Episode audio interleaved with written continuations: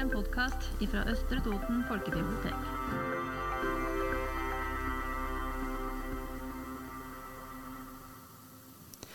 Hei og velkommen til podkasten vi skal eh, ha nå.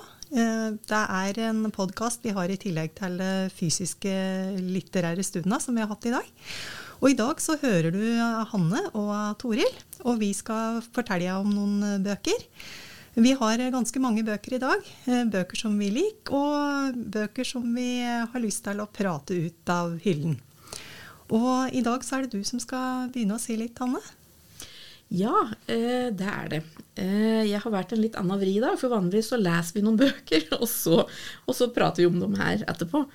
Eh, men denne gangen så tenkte jeg at jeg skulle mm, ta for meg en kulturfondssending vi fikk til biblioteket nå denne uka.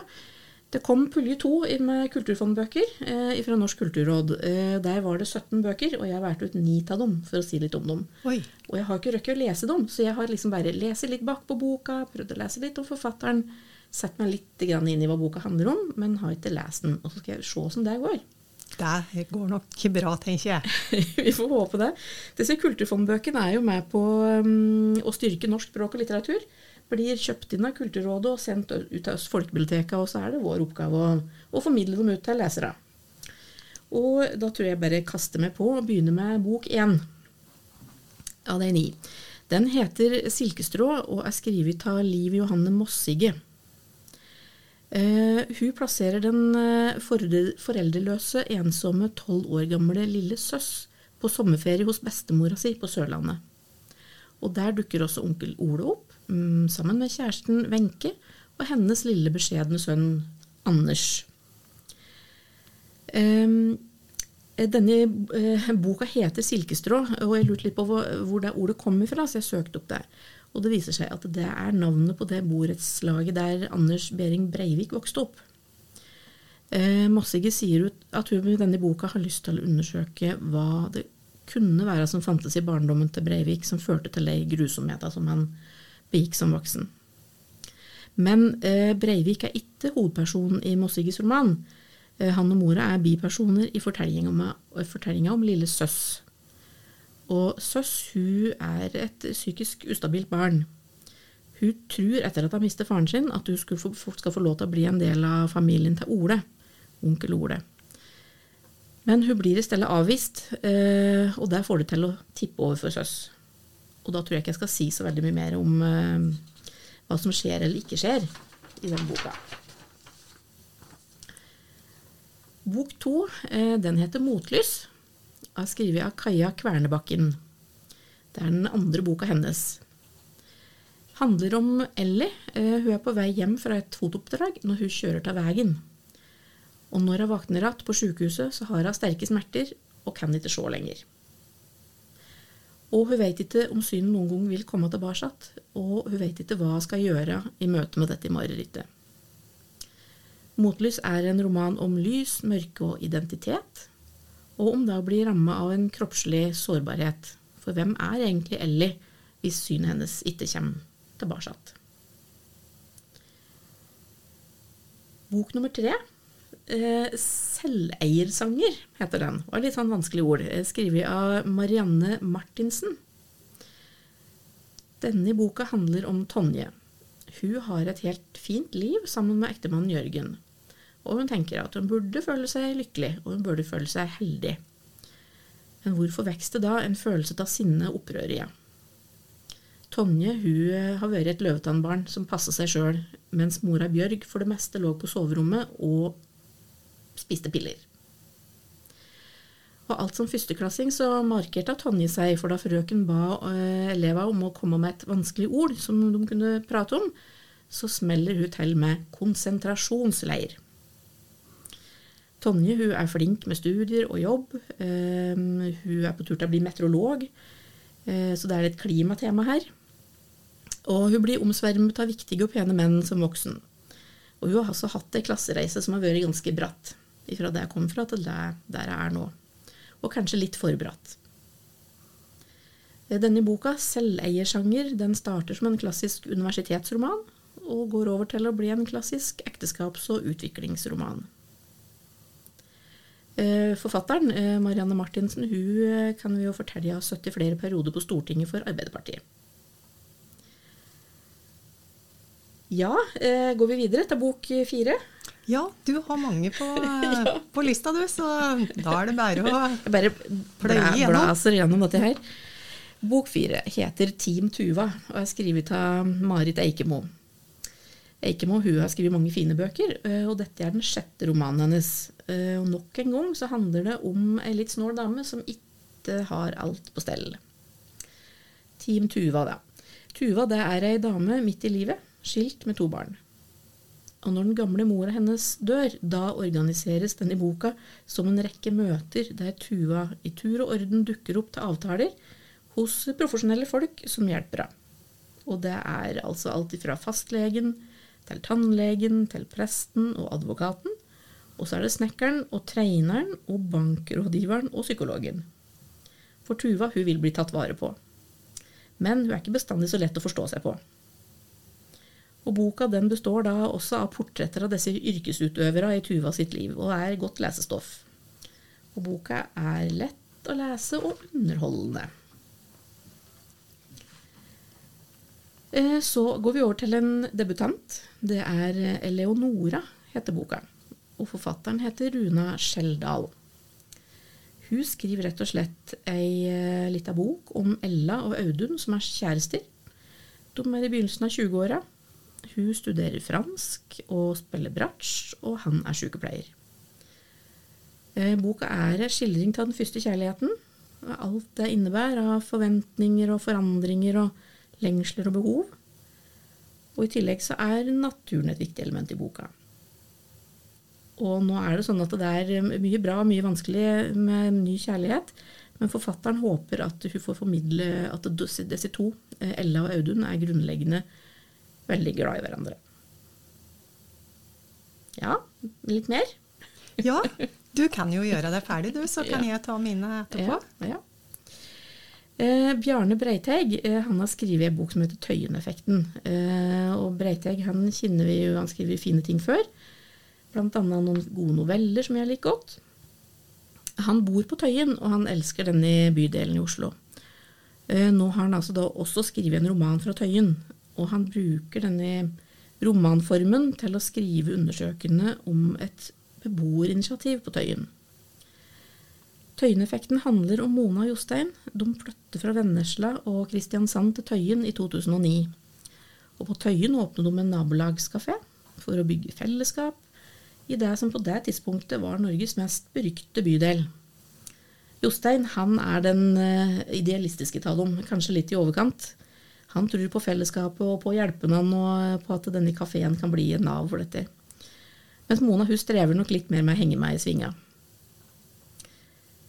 Så går det ti år, eh, og når denne boka foregår, så har Jostein reist til København i et ærend, men han kommer ikke tilbake. Og vi følger Mona gjennom noen døgn i fortvilelse og oppgjør og sjølransakelse. Og Bjarne Bretteg han sier eh, det da, at til tross for de prøvelser som Mona går gjennom, så håper han at leseren vil merke at romanen er skrevet med en djup kjærlighet til bydelen, og mest av alt er det en bok om fellesskapet, om tro og tvil på hva man kan få til sammen. Jeg tror det er en bok om ildsjeler, dette her. Det høres slik ut. Mm. Noen som brenner for det de driver med. Mm, Ja. Eh, Bok eh, sju i lista mi, er, eh, den heter Edel. Det er skrevet av Nora Askim. Det er ei 22 år gammel dame fra Hamar. Og det er den tredje boka hun har gitt ut, så hun har vært produktiv. Eh, boka det er en kortroman, jeg kan jo si det først. Eh, jeg vet ikke helt hva det betyr, men det betyr jo i hvert fall at boka er kort. Den er på sånn ca. 100 sider. Og så har hun skrevet De står ikke sånn sammenhengende lange tekster, men det er mer sånn korttekster som er satt sammen til en roman. da. Eh, Det handler om Edel. Eh, Edel er en del av etterkrigsgenerasjonen i Norge. Og hun har ett mål i livet når hun er ung, og det er å flytte hjemmefra. Og for å få til det, eh, sånn som det var i 1951, så da må hun ha seg en mann, og etter hvert så må de få barn, for da vil alt bli perfekt og fullendt. For Edel hun drømmer om et liv som er litt bedre enn det som den ugifte mora hennes fikk. Og eh, ja, i litteraturen vår så er det ikke så mange sånne hjemmeværende husmødre det handler om, så her, eh, her får vi et eh, fint portrett av Edel, som opplever at livet kanskje ikke er helt perfekt allikevel.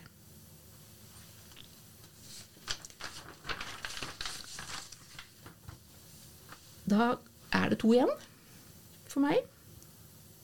Um, Paulsen i fjerde heter ei bok som uh, Ellen Marie Telle har skrevet. Ellen Marie Telle hun, eh, det er jo litt spennende, hun er født i Kyoto i, to, i Japan, um, men bor og jobber i Oslo nå. Og Paulsen i fjerde det er ei bok om Agnes Brubakk. Hun rett og slett besvimer i vaskekjelleren i blokka der hun bor, og så får hun hjelp av Paulsen i fjerde. En Simon Paulsen heter den. Agnes hun har vært veldig anonym og introvert og levd et tilbaketrukket liv etter at mannen hennes døde. De andre som bor i blokka, vet nesten ikke at det eksisterer. Eh, men dette blir et eh, møte mellom to eh, veldig ulike liv som kanskje har en del til felles allikevel. Og temaer er nok noe av det som er Det handler om de mest grunnleggende to behova i et menneskes liv, står det. Behovet for nærhet og behovet for mening. Så kanskje de to kan finne, finne deg i hoppus. Den siste boka jeg har med, det er 'Kjærlighetens ville veier' av Sonja Lid. Boka eh, handler om Christiane Bøck Eriksen, som er født i 1833. Og så handler den også om Sonja Lid, altså forfatteren av boka. Hun er født akkurat 100 år seinere, i 1933. Så dette tror jeg er en fortelling om en oldemor og et oldebarn. Kristiane eh, levde i en tid der samtidas konvensjoner holdt kvinner i et jerngrep. Sonja lever i dag i et helt annet type liv. Så det er 100 år da, som skiller to, um, to, kvinner og to forskjellige liv. Samtidig så er det noen paralleller her, eh, for de har begge to vært opptatt av og lengter etter å møte mannen i sitt liv. Romanen den eh, består av brev og dikt og dagboksnotater som både oldemora og oldebarnet har eh, skrevet gjennom to lange liv. Og eh, til sammen så blir dette en blanding av både sagprosa og skjønnlitteratur. Høres ut som en spennende bok, syns jeg. Ja, det gjør det. Mm -hmm. Og da avslutter du med oldebarn og ja. oldemor. Ja. Og jeg skal begynne med mormor, mormor ja. og barnebarn. Så det må jo passe ganske bra. Da gir jeg ordet til deg, Toril. Ja, takk for det. For den boka jeg skal si litt om, det er 'Mormor danset i regnet' av eh, Trude Teige. Og eh, den forfatteren trenger vel ikke eh, noe større introduksjon. Men for et par måneder siden så hadde vi litterær stund der Ingunn fortalte om boka 'Morfar pustet med havet' til samme forfatter. Og disse bøkene henger jo litt sånn løselig i hopes, og jeg fikk lyst til å lese begge to. Og uh, 'Mormor danset i regnet' den kom jo ut i 2015, så det er jo mulig at uh, du har lest den før. Uh, men jeg hørte den da som lydbok, og den har da to innlesere. Og det er jo fordi at boka veksler imellom fortelleren, som da er Juni Bjerke, og mormoras historie under og etter andre verdenskrig. Junis deler er skrevet i jeg-person, mens mormoras er skrevet i tredjeperson. Så der skiller jo òg mellom de to, da. Og boka begynner med at Juni hun uh, rømmer fra den voldelige ektemannen sin. Og da drar hun til besteforeldras hus på øya, som hun da har vokst opp i. Og besteforeldra er døde for noen år siden, og nå har òg mora hennes dødd. Så ja, Juni hun er rett og slett da i huset og rydder. Uh, og det er jo det huset hun da har arvet. Mm. Så, så hun, er, hun, passer da på å rydde i huset når hun er der. Og det er under denne ryddinga at hun finner, finner noe litt ja, uventa? Ja, det stemmer. For mens hun rydder, så finner jeg et bilde av bestemora si, av mormor Tekla, i hopet med en tysk soldat. Og hun finner òg et brev eh, som mormor har skrevet i 1946, og som er poststempelet i eh, Tyskland. Og hun har aldri hørt at uh, mormora har vært i, i, Tyskland. Så hun bestemmer seg da for å finne ut mer hva er det som har skjedd. Så hun reiser da bl.a. til en liten by i gamle Øst-Tyskland som heter Demim. Og uh, det er en uh, by som uh, lå i den russiske sona da Tyskland kapitulerte. Eh, og her eh, ble det begått grusomme handlinger rundt krigens slutt, og det var helt ukjent for meg. Så det å lese denne boka gjorde at eh, jeg forsto bedre hvorfor Vest-Tyskland og Øst-Tyskland fikk så forskjellige historier etter eh, andre verdenskrig.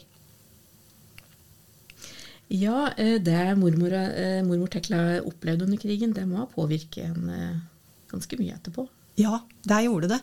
Og hun har jo, mormora da, har jo hele livet holdt på den hemmeligheten at det var såkalt tyskerjente. Og det er òg andre opplevelser som hun har holdt hemmelig.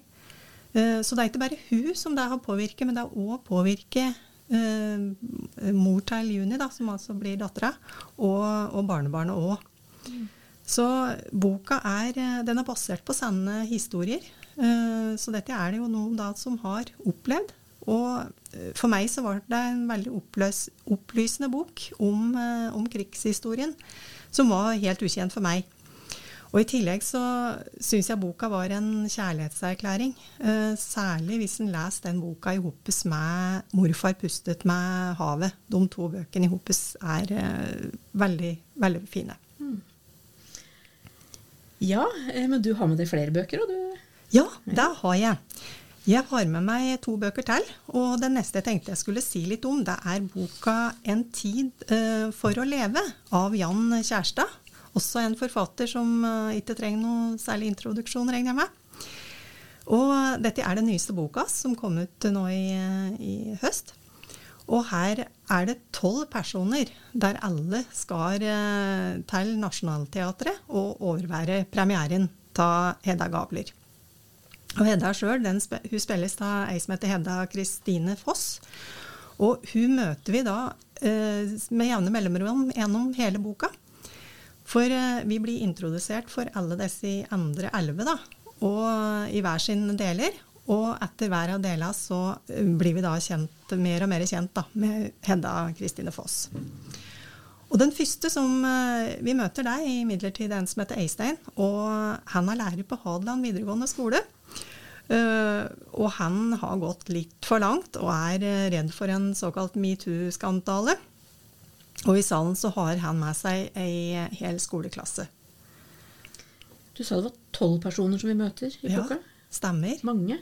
Ja, det er mange. Det er veldig mange. Uh, og den neste som vi møter, det er en litt sånn ikke helt kjent forfatter. Og forhenværende uh, kjæreste ta Hedda. og de har møttes på litteraturfestivalen på Lillehammer for en del år siden. Så jeg følte at dette her varte jo litt nært, både Adeland og Lillehammer. Uh, og vi møter òg en forhatt kritiker, en britisk uh, diplomat som er uh, til forveksling lik Colin Firth. Mm. Og ja, det er en far som har mistet dattera si i sjølmord. det er en YouTuber, en syrisk flyktning som arbeider på et sykehjem, og, og mange til. Men alle har en eller annen forbindelse til minst en av de andre. Og dette her blir en sånn fint sammenvevd eh, nett av bekjentskaper. Og det er kanskje noe av det jeg syns var aller finest eh, med denne boka. Det var, eh, det var imponerende, egentlig, at den greide å få det til at det ble en naturlig sammenheng, sjøl om mange av dem da ikke kjenner den i det hele tatt fra før. Og så kan jeg jo legge til det òg, at statsministeren hun sitter på første rad eh, i Nasjonalbiblioteket under denne forestillinga. Så det er jo nevnt da i alle disse deler. Jeg liker Jan Kjærstad godt, det òg. Eh, og dette høres ut som en veldig spennende bok. Ja, det er det. Det er ei spennende bok også fordi at det, eh, det som ikke så mange vet, da, det er at Hedda uh, står på scenen med en ekte og ladd pistol. Eh, så det gjør det jo ekstra spennende. Eh, og jeg kan jo òg legge til det at eh, Heddas kjæreste er jo med og spiller i denne oppsetninga. For han er jo skuespiller, han òg. Så spenninga ligger jo da litt i åkke det er som eventuelt da, blir truffet av Heddas pistol. Men uh, handlinga er lagt til mars 2019. Og den handler jo da om åssen vi mennesker påvirke hverandre.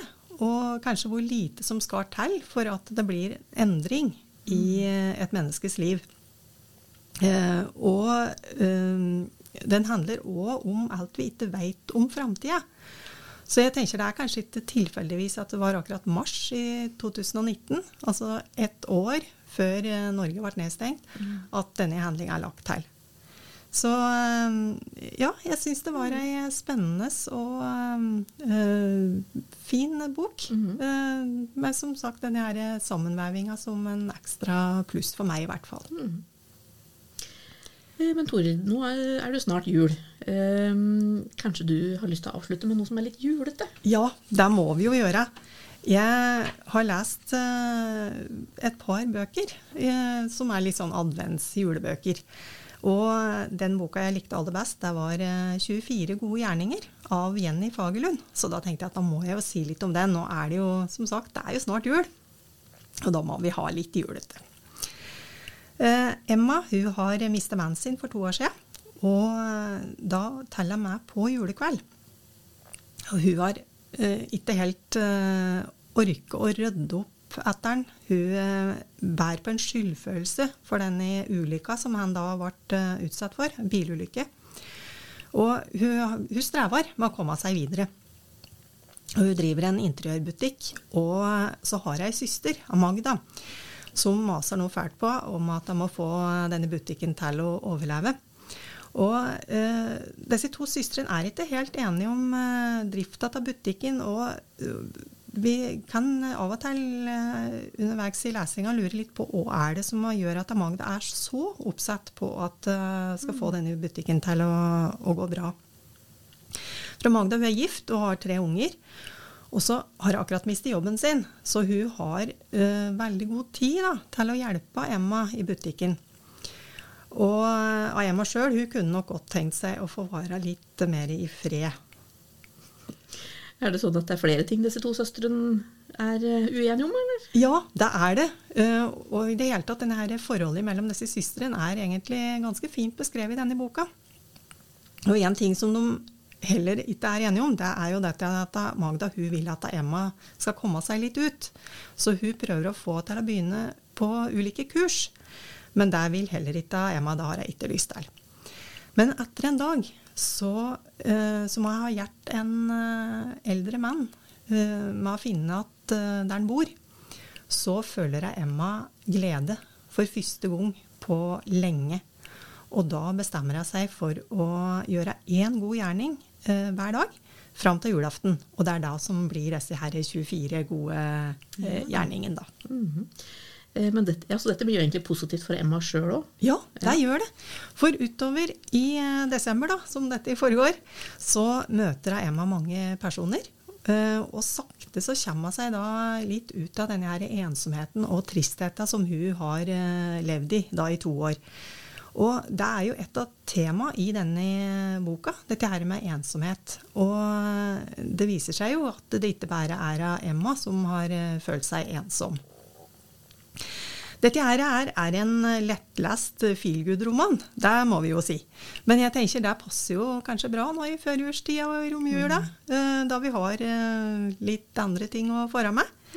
Eh, Og så er den akkurat passe koselig og romantisk og tankevekkende, syns jeg, da. Sa du at du hadde lest den som, lyd, eller som e-bok? Eh, nei, denne har jeg lest som vanlig, lest som vanlig bok, ja. Mhm. Men de to andre har jeg, lest, eh, har jeg hørt, hørt. som lydbøker. Mm. Uh, og der var gjennom Bookbite, så vi kan jo reklamere litt Ja, for tenkte, ja. appen. Ja. vi her reklamerer vi, vet du. Vi gjør det. Så det. Men da kan vi vel avslutte?